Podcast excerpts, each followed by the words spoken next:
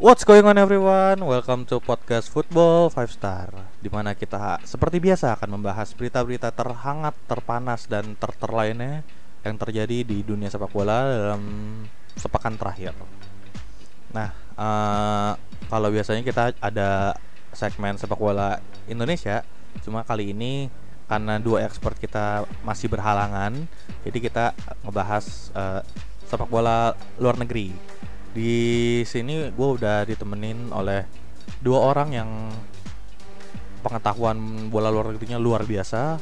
Yang pertama ada mantan Ultras Manchester United, Bang Galpras. Apa kabar Bang? Baik, baik, baik. Nah satu lagi ada uh, expert bola luar tapi dia sekarang jadi Ultrasnya Persiraja Banda Aceh. Ada Bang Wanda Syafi'i. Apa kabar Bang? Gak baik, gak baik. Kenapa tuh nggak baik tuh? Lagi radang. Radang makanan Padang. Ya. Udah ya aja. Oke sebelum kita masuk ke materi podcast Gue mau ngingetin kepada lulus semua Untuk terus pantengin football5star.com Kalau mau tahu berita-berita bola paling panas, paling hangat, paling update Terus juga ada prediksi yang paling akurat sejagat internet Dan juga uh, di channel youtube yang Football 5 Star itu ada segmen yang satu-satunya nggak ada di tempat lain yaitu ada Football Lifestyle. Nah di Football Lifestyle itu dipandu oleh host-host yang super kece dan ngebahas tentang uh, isu-isu terbaru di dunia sepak bola. Oke langsung ke materi aja. Ini kita mau ngomongin apa Banggal? Uh, yang paling sepekan terakhir sih kalau menurut gua lebih soal tingkah banyak pemain muda yang berlabel bintang ya. Kayak Oh, gua yang kemarin itu ya, Oh. Mbappe sama Tuchel. ya benar yang terakhir kan Mbappe Tuchel tuh yang ter sekarang juga kalau menurut gua ya oke lah Messi bukan pemain muda tapi itu lagi-lagi contoh lagi kan contoh baru lagi bagaimana seorang pelat pemain bintang bisa bertingkah dan membuat seorang pelatih akhirnya angkat koper Val- Val- Valverde kan juga juga cabut dari New Camp karena menurut Eric Abidal gitu ya dia kan juga ber- karena si Messi dan beberapa teman yang lainnya kurang bekerja keras walaupun Abidal nggak sebutin nama sih di Nah, itu pernyataannya Hmm. sumber permasalahannya di situ kalau Iya. menurut Messi karena uh, kalau gue nangkapnya sih ya Uh. Messi itu bilang ke Abidal lu kalau mau ngomong gitu sebut nama kalau nggak sebut Hmm. nama mending gak usah ngomong Iya. Tapi ya kalau menurut gue sih eh, terlepas dari kasusnya Messi, tapi tadi dari awal banyak banyak pemain pemain pemain bintang gitu kalau sudah eh, di era yang sekarang kalau gue perhatiin eh, bertingkah layaknya lebih besar daripada tim gitu. Nah itu yang menurut gue jadi jadi jadi harusnya disorotan sih dari beberapa beberapa eh pelatih gitu. Tambah kan kita banyak pelatih muda nih, Frank Lampard, Ole Gunnar Solskjaer gitu, terus Arteta mereka kan pelatih-pelatih yang yang dulunya ditempa sama pelatih berkarakter. Tapi kenapa sekarang kayaknya nggak punya karakter justru di, di depan di depan para pemainnya gitu. Itu yang jadi apa ya jadi sorotan kita juga sih maksudnya bisa seperti itu gitu kan. Solskjaer ditempa sama Sir Alex tapi di, sekarang nggak punya karakter yang akhirnya banyak pemain mudanya juga yang sebenarnya nggak terlalu menonjol dan berpengaruh banget sama permainan tim gitu menurut gue sih kayak gitu. Itu yang harus apa namanya beberapa hal itu jadi sorotan dan kita kayaknya ke, ke apa ya kehilangan sosok-sosok kayak Fabio Capello, Sir Alex Ferguson, Arrigo Sacchi gitu yang benar-benar keras tapi pemain label bintang mana pun takut sama mereka gitu. Bukan takut kali ya Eh. maksudnya lebih ke kayak Iya. hormat. Hormat ya. Lebih lebih mementingkan tim dibandingin ya Sakti terus Sir Alex semuanya kan ngomong besut ya kasarnya sekarang legenda gitu. Pema- pemainnya sekarang udah jadi label legenda gitu kan. Dan itu dilakukan benar-benar dengan dengan dengan kemau- kemauan dan keinginan untuk membesarkan tim tidak lebih daripada pemain itu sendiri sih kalau menurut gua gitu. Mungkin kalau Mbappe tuh kenapa kemarin bisa berulah? Karena Hmm. itu kali ya? Karena dia satu tim dengan pemain-pemain yang quote on quote bermasalah juga pribadiannya kayak Neymar terus ada Icardi juga Iya pernah kayak ny- dikompor-komporin sama Icardi gitu Nah, iya, Bang. Nah, ini kalau menurut Bang Wanda nih, apakah uh, bener nih uh, analisis gua barusan gara-gara dikomporin sama dua sosok itu? Bang dikomporin ada benernya ya karena di beberapa musim lalu kan Mbappe kan nggak nggak ada masalah sama sekali gitu sama Tuchel bahkan sama Hmm. pelatih sebelumnya siapa ya? si Emery. Budi Bening. Budi Bening. Iya walaupun dia beberapa kali diganti tapi kan nggak pernah ngambek nggak pernah marah gitu kan cuman kemarin dia ngambeknya bener-bener yang apa ya di luar kendali bahkan kalau kita ngelihatnya wah ini kayak bukan Mbappe ini karena Hmm. sebelumnya memang ini orang nih anak ini kan kayaknya pemain yang oke-oke aja mau pelatih ngomong apa mau dia diganti apa segala macam kan apa eh, dianya ya udah terima gitu kan karena dengan ya label dia yang masih pemain muda dan dia eh, masih butuh banyak belajar gitu. cuman setelah eh, mungkin dia ngelihat eh, apa tingkahnya Neymar selama ini selalu dibiarkan sama eh, manajemen Hmm. gue bilang manajemen ya bukan pelatih sama manajemen terus eh, dan Icardi yang bikin Edinson Cavani jadi apa jadi cadangan gitu walaupun eh, sampai saat ini kita belum tahu Icardi bakal Tetap atau tidak. Tergantung bininya sih. ya apa bininya juga belum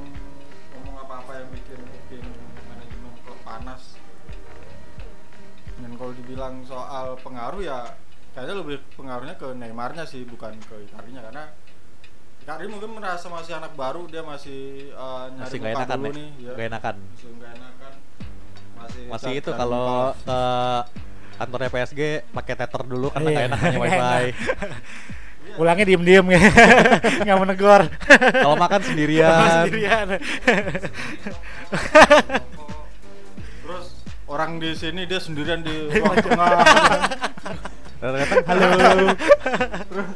dan ini kan eh, Mbappe berulah karena seiring dengan kabar yang menyebutkan dia bakal pindah. Dia mau ya whatever mau ke Madrid ya mau ke MU ke mana pun. Ya seenggaknya dia udah bilang mau mau pindah dan klub-klub lain terutama Madrid yang udah terang-terangan pengen dia datang ke Madrid apalagi dengan faktor Zinedine Zidane yang sama-sama Prancis. Ya itu sih yang bikin eh, Mbappe mulai berpikir gimana caranya dia bisa pindah gitu. Karena di musim panas kemarin ya kita harus akui Madrid udah bikin penawaran udah eh, walaupun nggak ah, walaupun nggak ini ya nggak nggak melebihi Neymar kayak tapi tetap aja itu kan jadi warning untuk eh, PSG gimana caranya untuk mempertahankan si pemain ini. Cuman kalau gue lihat dari kasusnya Mbappe gue sih eh, salut sama fans ya sama fansnya PSG mereka bener-bener ngelihat ini eh, memang salahnya Mbappe. Mereka nggak nyalahin Tuchel yang yang gantiin Mbappe apa yang narik keluar Mbappe walaupun PSG eh, ya ada kalahnya gitu musim ini nggak nggak selalu menang tapi mereka dengan objektifnya ngelihat ya ini memang Mbappe yang udah kebangetan sih Kemarin sih kalau dilihat-lihat juga itu kan pas lawan Montpellier ya. Iya. Nah itu juga kebetulan si Mbappe ditarik pas PSG udah Unggul. unggul 5-0. Iya, udah jauh. Jadi ya. buat apa lagi gitu? Iya. Apalagi mau Liga Champion juga. Ah, Strategi kan gitu kan maksud gua. Iya itu makanya yang yang apa yang nyambung yang soal fans yang bikin gua salut sama fans PSG yang selama ini stigma kita soal P- fans PSG kan eh, plastik. plastik ya Plastik banget. money hunter ya bukan money hunter ya tapi mereka bisa melihat itu dengan cara yang apa cara yang bijak gitu nggak ngelak nggak nyalahin pukelnya Tep- eh, cuman gue mau nyambung apa yang dibilang Bang Gali tadi yang dibilang eh, pelatih sekarang nih Hmm. eh, apa kehilangan karakter, Kehilangan karakter, kuat, kuat. kayak yang dulu kayak Sir Alex, uh, Capello, Arrigo Sacchi. Kalau menurut gua sih ini lebih kepada eh, sisi pemainnya yang memang udah kebangetan dimanja sih sama Iya. sama pihak klub. Jadi mereka bisa melakukan apa pun karena ya itu tadi dengan nilai kontrak yang wah dengan fasilitas eh, ya nomor wahid lah yang mereka dapetin istilah kasarnya kan mereka bisa bilang eh, apa bisa melakukan ap- ngelakuin apa aja ya. Hmm. dan itu secara sekilas pelatih kan nggak punya kekuatan kekuatan lebih untuk eh, melarang si pemain. Apalagi misalnya pelatih pelatih yang nggak terlalu punya nama lah. Hmm. yang belum pengalaman sorry. Yang belum berpengalaman kayak Solskjaer, Lampard, Tuchel. Kan dia secara secara karakter kan nggak terlalu dilihat wah ini pelatih eh, serem nih gitu itu sih yang yang menurut gua yang bikin eh, pemain sekarang lebih berani-berani gitu sama Lebih kurang ajar ya? Iya, lebih kurang ajar sama pelatihnya sendiri Dan kalau nggak salah juga Tuchel eh, sebelum ke PSG dia di, di Dortmund pas Hmm. udah akhir-akhir juga bermasalah juga sama masalah mainnya. yang sama. Jadi kayaknya eh, emang bawaan dari Tuchel juga sih. Maksudnya bisa jadi kayak lu bilang minggu lalu di Dortmund penuh dengan drama. Nah, ini kebawa nih sama PSG nih.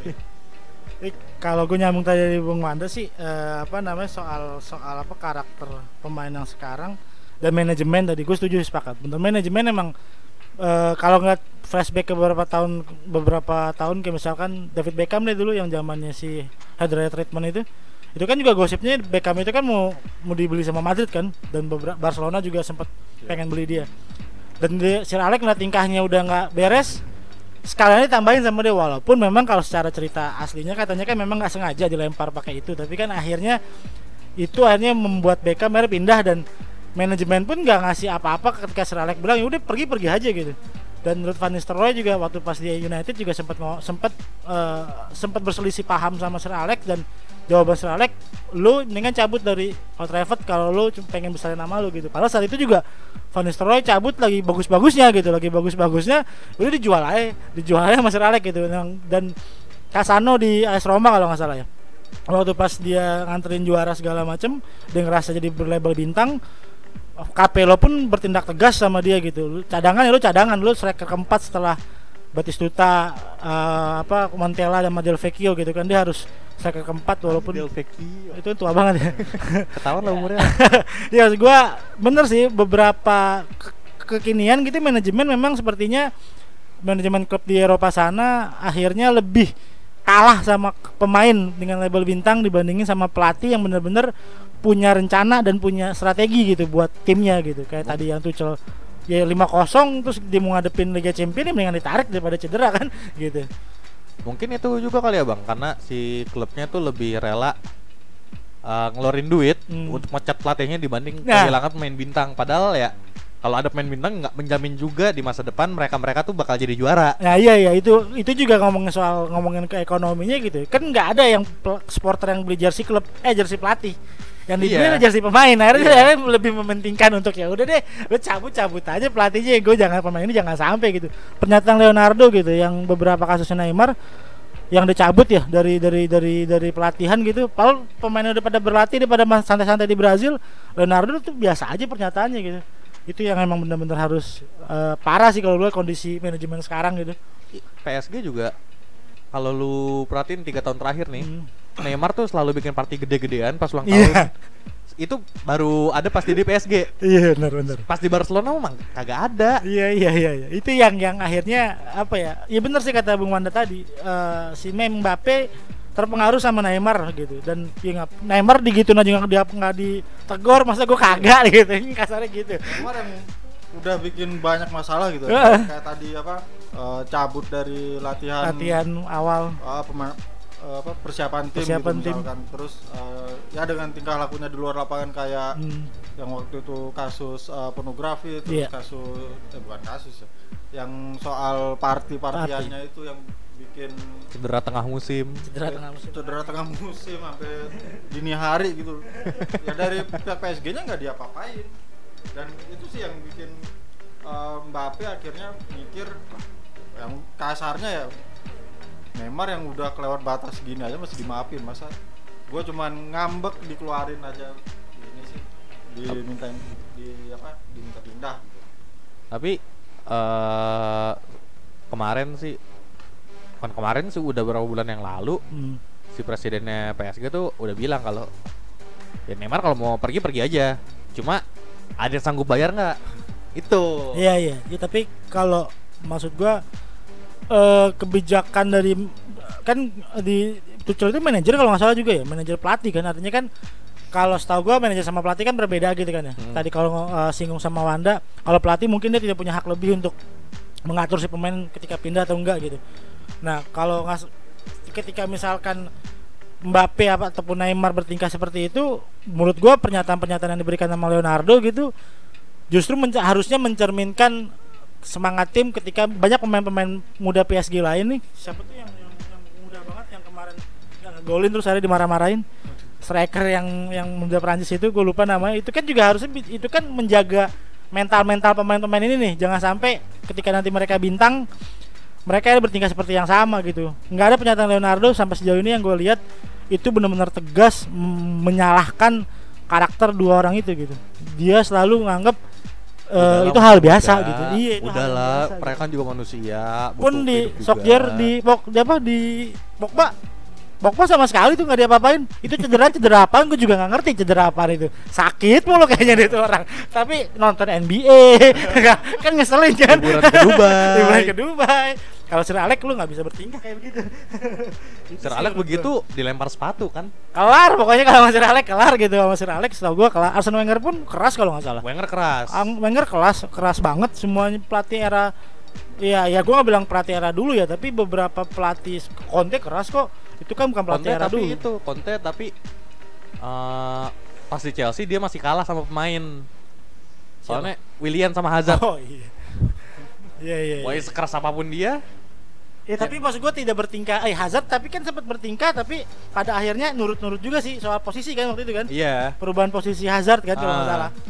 Iya maksud gue sih eh, tapi gue masih melihat eh gue sempat baca be- beberapa artikelnya bagaimana Sir Alex ngebangun Fabio Capello sampai Sachi ngebangun kan dia benar-benar bilang pondasi tim sih yang utama gitu ketika lo ngomongin 11 orang lo nggak bisa tergantung sama satu orang gitu. Iya. Dan itu yang ternyata kayaknya beberapa pelatih saat ini nggak bisa nggak bisa nggak bisa menerapkan itu gitu. Di United kesannya Sokjo selalu bilang lini tengah kita karena Pogba bermasalah. Di situ ada Fred di situ ada Matic segala macam tapi selalu kalau gue ngelihat alasan dia ketika United kalah biasnya tuh kita tuh kekurangan stok lini tengah segala macam itu yang itu bias banget dia pernyataan dia tuh. Dan gue perhatiin ya terus kenapa kalau nggak ada Pogba gitu kan gitu Tottenham sebenarnya cukup bang Hah? cuma pada begitu semua Iya, mainnya ta- i- enggak tapi seolah-olah akhirnya Pogba itu jadi yang bintang dan ada besar kepala dia.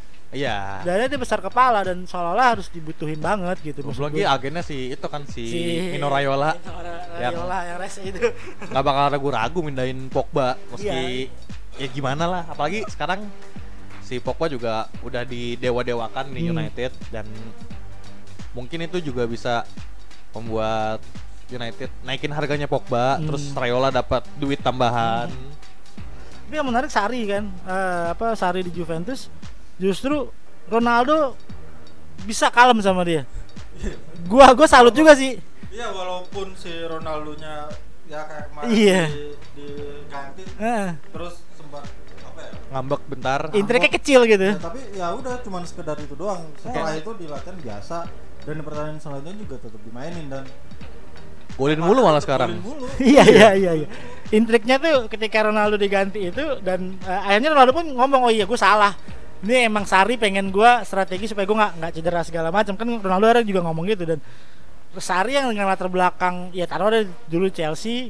Tapi kan sebelumnya kan dia tim-tim kecil gitu Eh, dan dia punya kemampuan di situ di, ada Sari. Di Bala juga yang sempat rame sekarang juga adem aja adem aja. segitu Juventus di Juventus. Tuh sekarang adem ayem. Pioli pun menurut gue di Milan sekarang ngasih efek positif juga gitu. Beberapa pemain Milan nggak bertingkah nggak bertingkah dengan akhirnya eh, tapi tapi kalau menurut gua kalau di Milan itu bukan karena Pioli sih bang. Karena Ibrahimovic.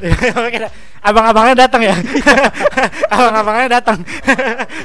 Serius karena uh, berapa kali ada pemain Milan yang pemain Milan yang bilang ya ini semenjak ada Ibrahimovic terus ada Begovic juga pemain yang pengalamannya banyak ya anak-anak jadi lebih kalem lebih nurut. lebih nurut abang-abangnya datang. Iya. senior datang senior datang gitu kan iya gua Dan terbukti kemarin Ibra nggak main imbang gitu. Imbang. Padahal sebelumnya lima pertandingan terakhir menang terus ntar lawan Inter kira-kira gimana Wanda kalau lawan Inter Kalah kayaknya Inter. Gak ada ada Novik kan. Iya gak ada ya. Tapi ada Lukaku kan. Duel United. ya itu sih karakter-karakter itu yang yang gua ngerasa eh, klub zaman sekarang eh, Eropa terutama gitu kehilangan sosok. Ya lu bodo amat pemain bertingkah kayak gitu gua belum pernah nemuin satu eh, nggak tahu deh ya apakah itu beberapa pelatih muda sekarang gitu hitungannya muda artinya seangkatan Lampard sama Solskjaer Arteta segala macam itu yang memberikan hukuman lu nggak bakal gue mainin karena tingkah lu begitu. Ah, itu belum pernah gue nemuin. Dan dulu kalau nggak salah Sir Alex ngelakuin itu.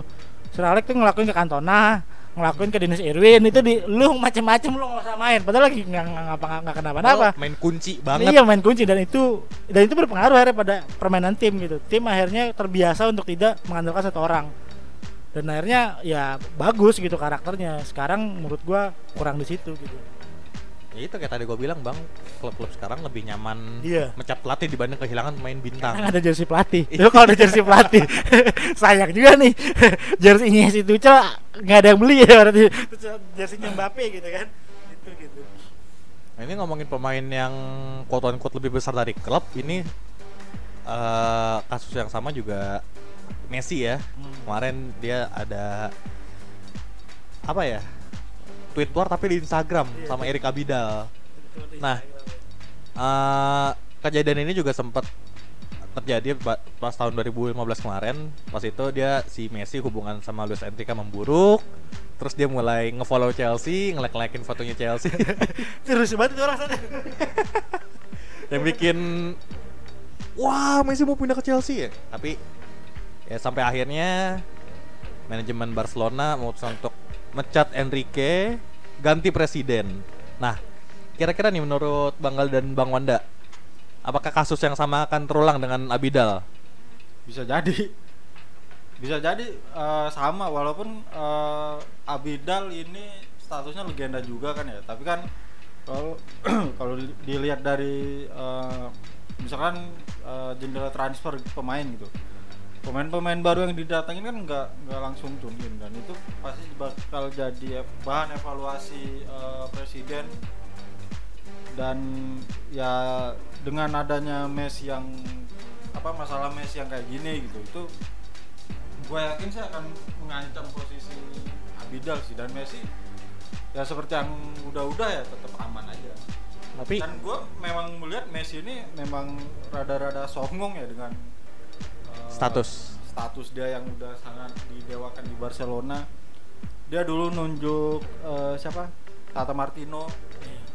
Katanya kan eh, itu khusus permintaan Messi tapi pada akhirnya Barcelona main jelek eh, Tata Martino dipecat dan lagi-lagi disalahin karena Messi nggak nyaman sama permainan Tata Martino. Terus dan itu eh, kembali terbukti sama yang tadi Kenza bilang soal Luis Enrique.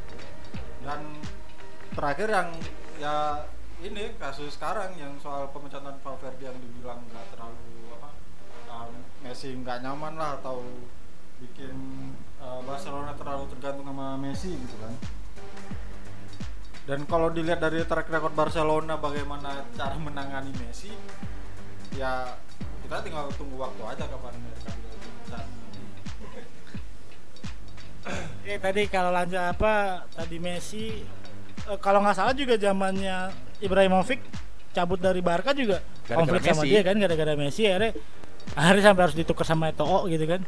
Eh Bang. iya Ibrahimovic tukeran sama Eto'o kan. enggak Eto'o yang ditukar sama Ibrahimovic Ih sama aja. Artinya Ibrahimovic tendang lah pokoknya. enggak Bukannya tendang. Eto'o yang- Eto'o yang ditendang Eto'o tendang ya. tapi Ibrahimovic juga ditendang Tendang juga akhirnya ujung-ujungnya kan. Ya, ujung-ujungnya tendang juga. Ya benar-benar.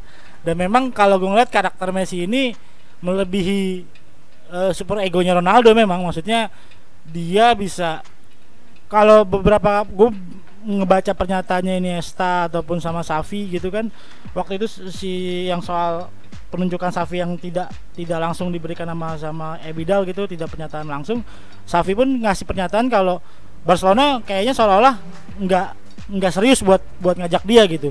Dan gue ngeliat di situ kayak eh, mungkin pertimbangan Abidal adalah ketika misalkan tidak melakukan pembicaraan serius ke Safi kira-kira nyaman kan sama si Messi nih gitu kan? Walaupun secara tim secara tim ketika bermain mereka sangat bagus tapi kan ini Safi sekarang sudah jadi pelatih. Bisa nggak Messi secara karakternya yang songong itu mau dilatih sama temen yang yang yang ya temennya gitu teman satu angkatannya? Karena gue ngeliat ya Erik Abidal pun yang teman satu angkatannya bisa diperlakukan seperti itu. Gue pikir Messi ini punya karakter yang yang yang super egonya lebih besar daripada daripada Ronaldo bahkan pemain bintang-bintang sebelumnya gitu. Dan itu kekhawatiran gue kan si Josep Mario Bartomeu itu kan udah ketemuannya sama Abi- Abidal. Dan lucunya adalah membahas masa depan Abidal.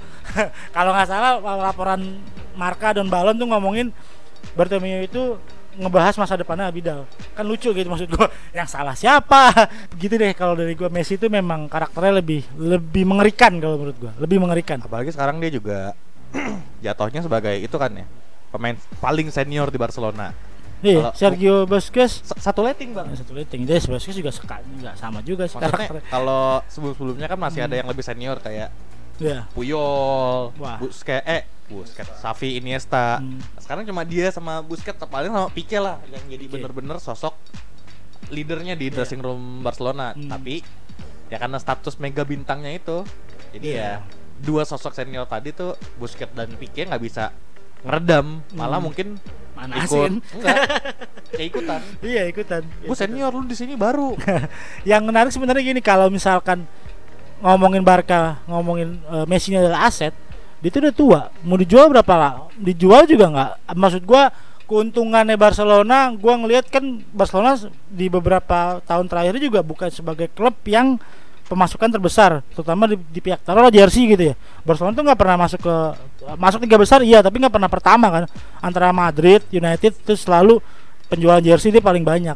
Nah, gua sih nggak nggak habis pikir sama pola pikirnya manajemen Barcelona yang kalau misalkan Messi adalah aset dijual sekarang di usia sekarang juga klub mana yang mau yang hitungannya berapa tahun lagi juga kelar gitu dia usianya dan soal penjualan jersey gue pikir nggak sebanyak juga sama beberapa tim lain atau Tapi- beberapa pemain lain. Penjualan jersey tuh nggak sepenuhnya masuk klub bang. Iya betul betul. Maksudnya yang paling masuk masuk klub paling ya 20-30 persen. Mm, iya itu dia makanya gue juga cukup aneh dengan keputusan Barcelona yang beberapa kali memanjakan banget Messi gitu. Ya ini pertemuan si Bartomeu sama Abidal sama beberapa petinggi klub yang lucu adalah membahas soal itu gitu, ngebahas masa depannya Abidal. Yang pasti gue sorot yang yang tadi kata Bung Wanda pasti yang disorotin adalah pembelian pemain yang belum tune in. Hmm. Ya itu kan cuma jadi alasan ketika misalkan Messi udah ngomong nih, ini nih abang-abangannya udah ngomong nih, dalut jangan macem-macem udah, gitu kan. Itu yang menurut gua yang yang yang nggak nggak nggak oke banget di di, di di di klub itu sendiri gitu. Tapi kalau ngomongin Abidal kan dia pasti ngurusin transfer. Tapi sebelum ada Abidal pun sebenarnya juga transfer Barcelona udah rada-rada ngaco sih kalau menurut gua. Maksudnya emang kayaknya sih dari Bartomeu-nya yang Iya, lebih mementingkan nama besar ketimbang kebutuhan tim. kebutuhan tim betul betul. Bartomeu itu emang ini sih bilang tuh memang nggak ngerti bola mungkin Hmm. kayak Ed Woodward, Hah? Ed Woodward. Bukan Edward. banget itu Edward mah. Ke- ke Glazer kayaknya Wah iya, lebih tinggi ya. Yang penting gua jual-jual aja deh kayaknya. jual beli pemain yang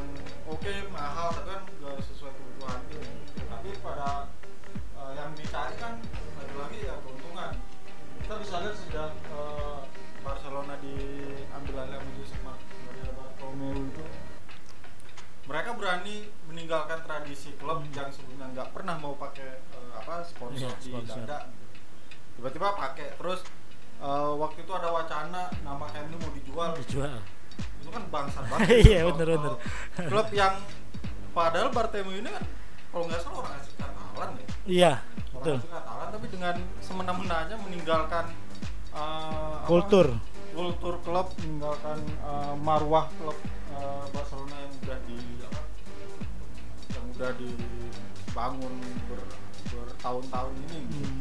Nah, dia dengan seenaknya ya datengin kalau dari segi bursa apa dari segi transfer datengin pemain-pemain yang kayak Abida eh Coutinho, Coutinho terus eh, Vidal Mateng terus Yang sekarang ke mana tuh? Dia kemarin Boateng rencananya? basic tas. Basic tas. Pindah lagi buset. kan ini nggak nggak penting banget ya dia seolah-olah yang penting ada pemain masuk dan Hmm. Nggak mengganggu Messi gitu Iya itu dia, nggak mengganggu Messi. ya ya udah Messi ditaruh aja di depan sama Luis Suarez Griezmann datang juga nggak Iya. bagus banget Griezmann juga Sedih banget itu. katanya ini sih kalau gua ngelihat di Barcelona dia salah posisi. Terus ya karena nggak bisa mengganggu posisinya Messi. Iya, karena dia dipaksa main di kiri. Dan Hmm. harus track back ke belakang. Iya betul. Jadi dia track back ke belakang, lari ke depan. Yang depan gua mau dicapai duluan.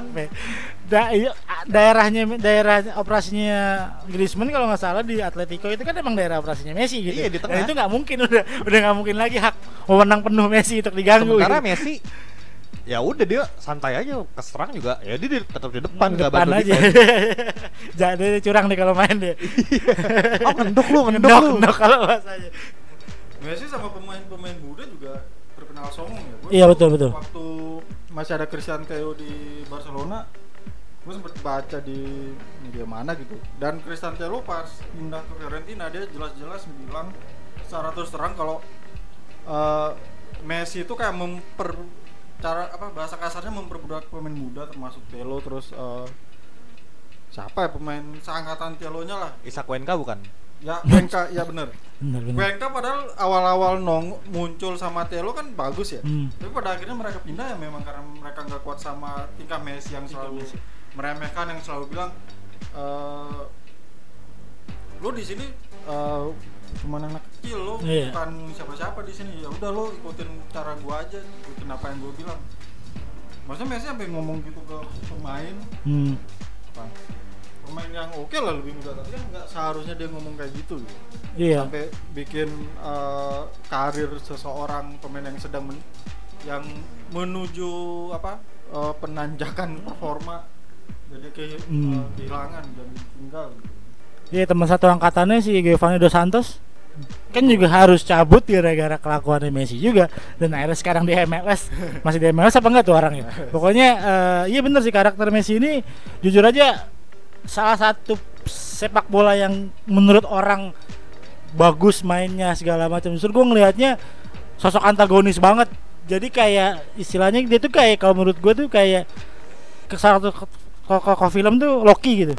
Kesannya kan orang ngeliatnya dia biasa-biasa aja padahal mah jahatnya minta ampun gitu. Kalau menurut gua Messi tuh begitu gitu. Dan dengan karakternya dia yang yang tidak mau ngalah dan ngerasa seolah-olah dia yang paling besar klub ataupun timnya itu nomor dua gitu dan itu yang justru menurut gua mungkin kalau seandainya Sir Alex atau Capello lagi-lagi bisa turun gunung dan melatih gue pengen pengen lihat kalau Messi dilatih sama du karakter-karakter Hah? tetap nggak ngaruh Kalau kata gue sih ngaruh, menurut gue ngaruh. karena ya kayak tadi gue bilang Eh. Barcelona bakal lebih milih mencat pelatihnya dibanding Ya berarti emang harus di harus dirukiah itu manajemennya Barcelona tuh kalau kayak gitu. Maksud gua ya gila tuh. Banyak banyak kesalahan dan dan ya ya publik mungkin PSSI-nya Argentina tuh ngerasa banget kayaknya. Mungkinnya harusnya manajemen Barcelona tuh setelah dibanding ke PSSI-nya Argentina nanya tuh gimana Messi ketika di kan kelakuannya Lebih kan parah lagi, kacau. Bang. Lebih Iya, parah lagi parah. Argentina. Iya, makanya. dia yang milih pemain loh Iya, dia makanya. milih pemain dia yang apa milih pelatih waktu itu Ya harus si sama botak. Pauli Ah kan ya. eh, dia yang ya maksudnya eh, apa? Argentina minta sarannya ke dia. Hmm, betul terus dia betul. bilang karena waktu itu Sampaoli abis menangin Copa America sama Chile dia- jadi ya udah ditunjuk. Terus kalau untuk soal pemain ya, ya kita lihat lah Icardi. Eh, Mauro Icardi. Si siapa ya bilang? Nan Crespo apa Batistuta bilang? Icardi kenapa nggak dimasukin ke timnas Argentina di Piala Dunia walaupun dia jadi top skor eh, Serie A? Karena dia bukan tongkrongannya Messi. Iya. tongkrongannya Messi ya Higuain. Higuain, Aguero. Terlebih Aguero yang Aguero. temenan sejak eh, Masih apa, bocah lah ya. kategori umur ya. Iya, 17. Dan Icardi ya memang bukan tongkrongannya dia. Iya. dan ada rumor juga yang bilang kalau si Messi ini nggak suka sama Icardi gara-gara Icardi nyolong bininya Ya, Maxi Gomez Iya. eh. Maxi Lopez Masih Lopez. Ada juga karena sama-sama di Barcelona ya. Iya. si, apa Maxi. Iya itu sih karakter karakter dan dan gue nggak menemukan karakter itu di Ronaldo gitu nggak menemukan karakter itu di beberapa pemain yang benar-benar mainnya itu ya eh, ya ba ya ya ya sesuai dengan kebutuhan tim gitu. Gue bahkan ketika misalkan Hazard waktu pas bentrok sama Conte di Chelsea yang soal posisi tim, gue pikir itu lebih masuk akal dibandingkan misalkan kayak Mbappe ataupun kayak Messi cuma itu kritikan dari Abidal menurut gue nggak mesti dibalas kayak gitu. Walaupun Messi menganggap beberapa orang menganggap Abidal itu kayak nyebar nebar apa sih ya bahasanya ya? Kayak nebar iya kayak gitu-gitu tapi menurut gua justru Hah? bukan saya ora apa namanya kayak kayak lempar batu Ujaran terus kabur kebencian. gitu ya Oh, jangan. kayak ngelempar ngelempar batu terus dia kabur gitu aja gitu tapi menurut gua ya kan nggak mungkin lah seseorang sosok Abidal direktur olahraga ngomong nyebut nama gitu karena itu justru akan eh, memperkeruh suasana tapi ketika misalkan Messi sebagai pemain senior membaca itu seharusnya nggak langsung dibilang dal lu nyebutnya nama siapa dal kan nggak lucu menurut gua kecuali dia masih masih bocah kayak Pogba gitu ataupun kayak kayak Mbappe. Greenwood gitu kayak Greenwood kayak kayak kayak iya benar kayak Mbappe nah karak apa hal-hal yang kayak gitu ya menurut gua justru eh, Hazard ketika tadi ngomongin soal Conte itu wajar karena ketika lu kan pengen gua nyetak gol lu pengen Chelsea main bagus gue main bagus di posisi kayak begini jangan ditaruh di gua di posisi ini gitu ya itu kan perdebatan strategi antara pelatih dan pemain yang masuk akal. yang masuk cukup masuk akal Dan gitu Itu uh, ya masih teknis lah ya. Iya, soal teknis gitu, soal betul. Permainan gitu. ya. Mm, mm, mm. Ya kalau Mbappe kan gila menurut gua dia cabut jadi kenapa marah dari gol 5-0 dan mau main di Liga Champion gitu. Alasan karena dia pengen cabut dari ke Madrid aja kalau menurut gua gitu. Belum lagi dia juga itu kan nge-like postingannya Madrid kan. iya, nge-like postingannya si eh eh, Karim Benzema yang di-like sama dia. Oh, Postingannya Karim Benzema sama dia di-like dan apa Zidane juga ngompor-ngomporin gitu kan. Hal-hal yang kayak gitu yang menurut gue justru mengganggu banget stabilitas tim sih. Malah gue ngiri sama tim-tim di Italia sekarang. Inter di Conte gitu. Apa namanya Pioli juga bagus. Inza, Simone Inzaghi di Lazio. gila kan maksud gue ya mereka santai dengan pemain seada-adanya gitu. Maksud gue yang bukan label yang bintang 4 gitu bintang 5 tapi mereka mampu nggak jaga kekompakan tim keren banget menurut gue itu yang yang yang yang memang diituin sih menurut gue Kalau tadi lu sempat nyinggung Messi itu nggak kayak Ronaldo ya sih sifatnya. Kalau menurut gua sih Ronaldo itu lebih ke kayak pemimpin. Nah, pas lu lihat aja Portugal pas di Euro Ah, 2016. keren tuh keren dia bener Walaupun nggak main tapi dia teriak-teriak kan di pinggir lapangan kan. Ah, iya. ngasih motivasi spirit ke teman-temannya gitu kan Nah, menurut gua Ronaldo ini sosok pemimpin sejati mirip-mirip kayak Zlatan lah iya yang nggak ada pemain yang nggak hormat sama dia. keren tuh sosok Zlatan emang sih menurut gua dia tuh Tapi karakter bedanya banget. Zlatan kalau ada yang macam-macam digampar. Tendang. Cuma Erik Bayi doang yang songong sama dia. Iya. Erik Bayi. Erik Bayi yang di PSG eh PSG. Erik siapa Erik Bayi. Bailey. Bailey Ah, iya, oh iya. iya iya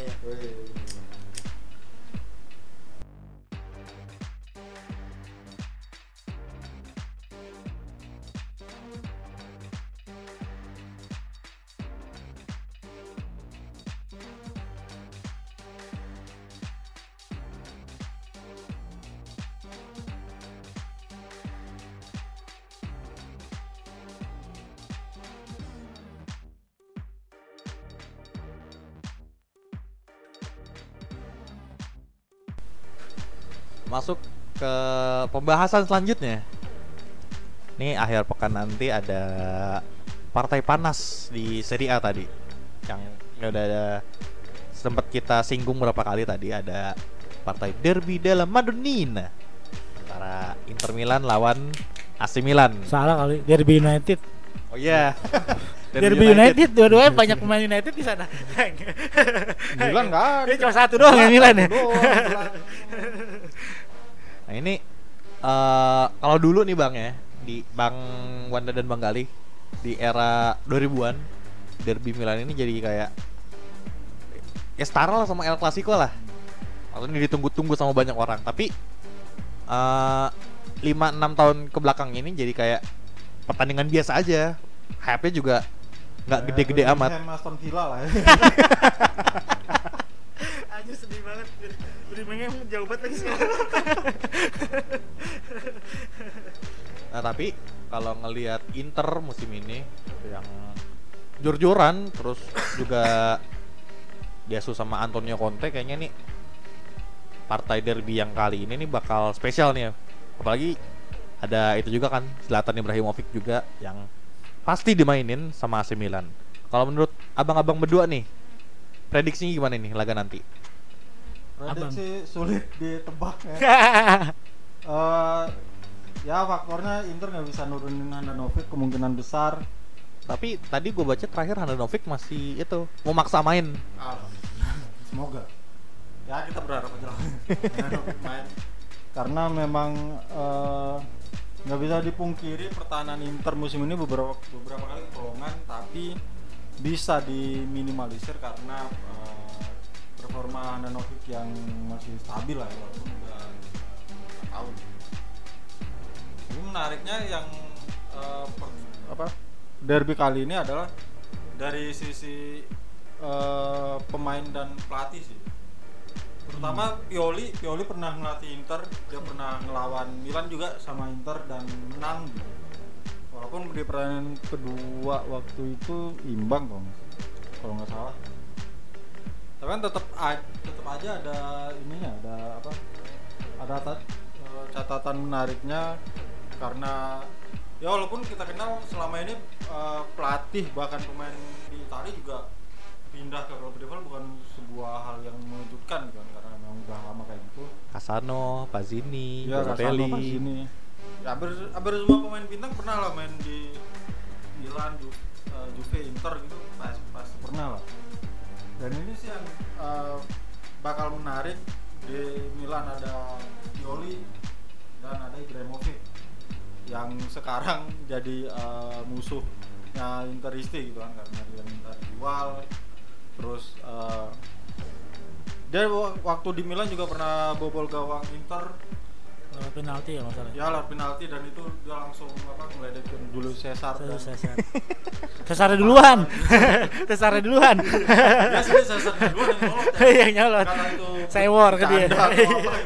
tapi dibales dan Ibrahnya langsung dia tetap eh, apa tetap selebrasi ke Hmm. Kurvanotnya Inter ngelihat eh, dia udah pindah ke Barcelona terus ke Milan bisa tetap eh, bagus gitu kan dan ini dia kembali lagi ke Milan untuk kedua kalinya dan akan menghadapi Inter Milan lagi dengan eh, cara yang berbeda walaupun di sana ada beberapa mantan kawannya nih ada Lukaku Hmm. ada yang Sanchez. Sanchez pernah ya pernah bareng ya? Pernah Pernah. bareng pernah bareng musim. pernah bareng gitu itu yang bakal menarik sih dan kalau kita lihat dari statementnya Lukaku ya dia dia bilang ya memang Zlatan ini panutan gitu. Wala- walaupun udah berbeda tim walaupun uh, kebersamaan mereka di United nggak terlalu lama tapi uh, dia merasa sangat terhormat udah pernah uh, main bareng sama Zlatan bahkan dia bilang Zlatan udah ya sebanding lah sama Ronaldo Brazil gitu kan.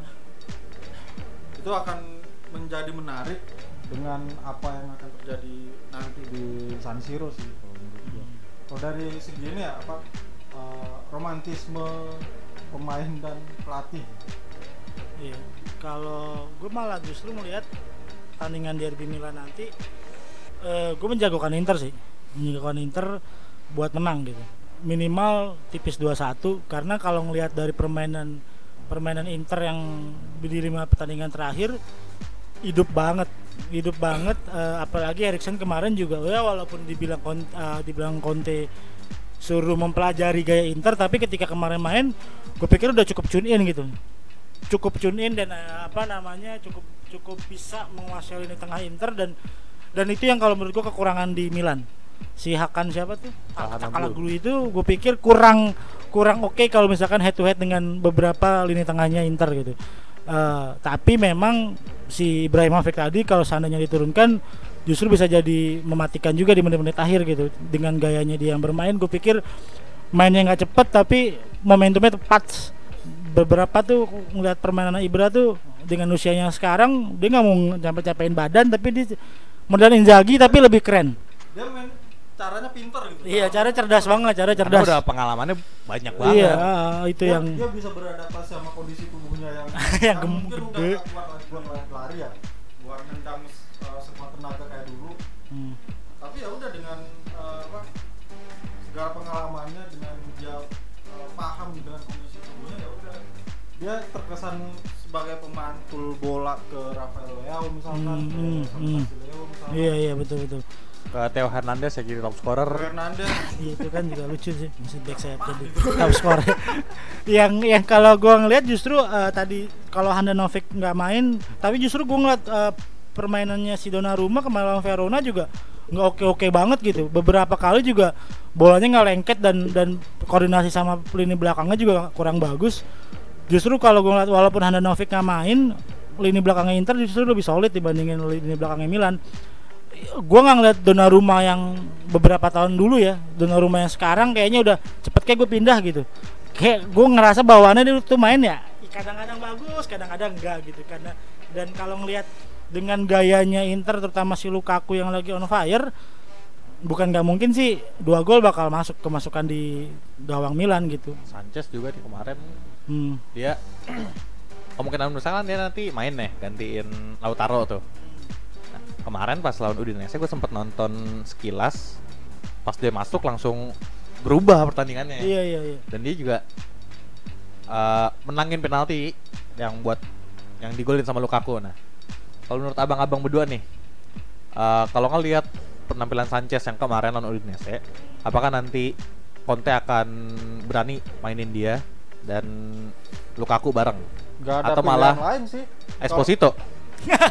Nggak, gua gua yakin Conte nggak bakal berani nurunin Esposito di pertandingan sepenting itu ya, sesakral itu. Gua nggak yakin Conte berani kayak gitu. Dan memang nggak ada pilihan lain untuk Conte eh, menurunkan si siapa? Sanchez. Sanchez di bareng sama Lukaku walaupun gua pe- gua pribadi lihatnya Sanchez masih suka kehilangan bola, masih suka apa? Ya wancunya dia masih Hmm. bisa kebaca sama lawan Waktunya sama lawan ya? sama lawan sama lawan gitu tapi ya seenggaknya memang eh, kalau dilihat dari dua pertandingan terakhir lawan eh, Fiorentina dan lawan Udinese memang itu eh, ini sih jadi apa Eh, jadi pertanda bagus untuk eh, Alexis Sanchez di mana dia nanti dimainin walaupun eh, karena dia kan bisa lebih melebar ya kalau Lautaro kan pasti eh, di depan gawang itu pasti berdua tuh sama si Lukaku. Lukaku. Kalau Alexis kan bisa lebih melebar, bisa gocek-gocek gitu kan. Dan itu harus memang harus dimanfaatin sama Conte sih. Kalau memang Conte tetap kekeh pengen eh, main dengan 352. Kecuali kalau dia main sama 343 ya eh, apa bisa bareng Erikson juga di depan gitu. Eh, Hmm. apa bertiga atau enggak 3421 lah Erikson sama siapa? Sama Sanchez ya Ngeplot. striker bayangan lah misalkan Jadi kalau justru kalau dari gua Sanchez eh, ngelihat Sanchez main di Inter itu kayak ngebalik ngembalikin dia tuh main di Indonesia sama di Barca sih. Apa hawanya itu hawa yang semangat banget mainnya dan dan itu energinya positif memang sih ke ke buat ke tim gitu. Karena kalau ngelihat di United kan mainnya kayak mau nggak mau mau nggak nggak gitu kan. Tapi kalau ketika kemarin-main di Inter gue juga nonton di beberapa pertandingan terakhir ngasih ngasih pushnya itu ke lini belakang lawan tuh lebih asik seperti saat dia waktu main di Indonesia sama di Barca. Setidaknya udah mau lari ya? Iya, udah mau lari dan mau Kerja sampai keras lah ya. Iya, sampai ngeringsek ke kotak penalti itu beberapa kali tuh kelihatan gitu. Itu yang nggak ditemuin waktu saat dia di Man United. Di United mah di senggol dikit jatuh. Iya, jadi jadi nggak- Nyari kayaknya pelanggaran. nggak mau ngapa-ngapain gitu di United gitu. itu sih kalau di, di di di Inter itu yang gue tadi gue bilang gue lebih menjagokan Inter karena memang karakter permainannya Inter ketika beberapa pemain yang dipilih sama Conte eh, untuk masuk ke di, di di Inter ini karakter pemain yang benar-benar ternyata menyimpan energi lebih gitu sebelumnya di klub di klub sebelumnya itu asal-asalan tapi ketika main di Inter benar-benar ngasih energi yang yang yang bagus banget dan itu emang terbukti kan sekarang Inter gue pikir sih bisa Dan- jadi calon kuat sih dan memang gaya transfer Inter sama Milan di musim dingin kan Jauh beda. berbeda Iya. 180 derajat ya Inter datengin banyak pemain eh, bintang banyak pemain ya walaupun udah berumur gitu Hmm. tapi kalau kita lihat Milan kan jadi dia cuma bawa pulang si Diego Laksat sama pemain Belgia Assalamualaikum apa siapa tuh namanya tuh susah banget Iya. Iya dan itu walaupun kemarin si siapa Assalamualaikum itu dimainin sebagai pemain pengganti Iya. tapi itu bukan jadi apa ya bukan jadi Jaminan. jawaban lah bukan jadi jawaban kebutuhan Milan musim ini setelah ditinggal eh, Suso, Piontek. Piontek walaupun kalau kita lihat di Milan sekarang ada Castillejo yang mainnya udah Jadi bagus. lagi. Iya, jadi bagus lagi. Tapi kan uh, ya udah sekedar di Castillejo aja. Nggak dia nggak ada pemain pelapis. Hmm.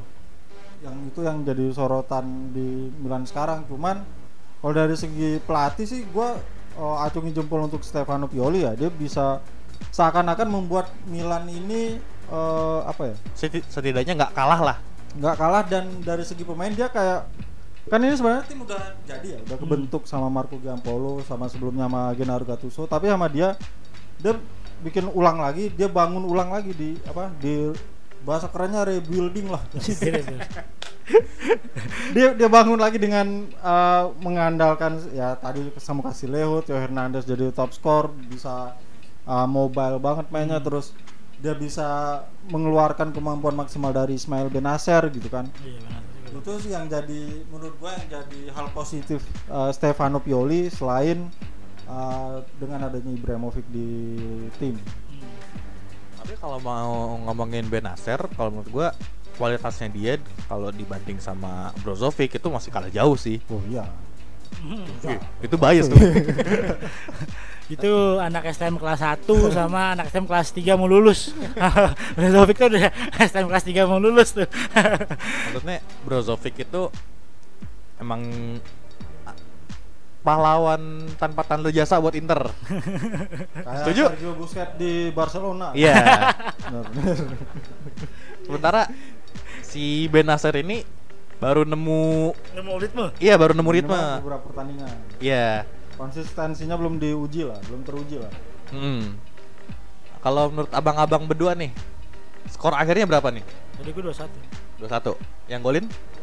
Gue percaya Lukaku golin golin mm, nggak dua-duanya tapi salah satunya Lukaku dan Ibrahimovic kemungkinan golin juga. Menurut. Bang Wanda? gue dengan keadaan Inter yang gue tetap percaya Handanovic nggak main dan Lautaro Martinez nggak main palingan imbang lah Berapa berapa? Sama. satu sama Yang golin? yang golin eh, nggak ada lain tidak lain tidak bukan Lukaku dan Theo Hernandez. enggak enggak enggak Leo Leo Leo Leo, Leo. Per- eh, permainannya sejak ada Ibrahimovic bagus Dibimbing ya. bimbing ya itu ketemu abang-abang ketemu abang-abangan. Tapi yang sebelum itu maksud gua kehadiran Ibrahimovic juga ini bagus banget sih benernya buat Trah Maldini. Si Daniel Daniel ya, Daniel Mal Danielo apa Danielo ya? Daniel, Daniel. Daniel Maldini ini bisa benar-benar dapat dapat pelajaran berharga banget nih. Dia kan striker juga kan nih. Gue pikir walaupun nggak mungkin di 50-50 sih, tapi kayaknya nggak mungkin juga Pioli bakal nurunin Maldini di partai terbesar besar ini. Tapi Di Buat ke depannya. Jadi pemain mengganti. pemain mengganti gitu tapi kalaupun skornya udah Milan unggul mungkin baru bisa diturunin tapi gue ngomongin ke depannya ini ini orang nih terahnya Maldini bakal terjaga nih dengan kehadiran tadi ketika kata Bung Wanda bilang si Leo itu berpainannya lebih bagus ketika datangnya Mal, eh, Ibrahimovic. Bukan tidak mungkin hal yang sama juga bakal dapat banyak ilmu nih si Daniel Maldini ini nih. Karena gue sih menunggu banget sih eh, terahnya Maldini bermain di Milan ini kayak gimana sih. Karena kemarin pas main di Verona hampir punya satu kesempatan pas tendangan sudut. Hmm. Eh, dia sudah punya mental kalau gue udah udah punya mental sih tiba-tiba skor 0-0 di Mal- menit 95. Maldini golin. Ha, ini keren banget Bunuh diri tapi. menang Inter ya bakal hilang bakal hilang dari pantauan tuh kayak abangnya si Christian Oke, itu aja dari kita di edisi podcast kali ini. Sebelum cabut gue mau ngingetin lagi kepada lo semua untuk tetap buka football5star.com untuk nyari berita-berita bola terupdate, terpanas dan terter lainnya dan juga untuk tadi prediksi Inter lawan Milan langsung besok eh, besok ya naiknya. Eh nanti langsung dicek aja di websitenya football5star.com dan juga nanti ada prediksi Po yang bakal diupload di YouTube. Oke, gua Kenza cabut. gua gali cabut Bye.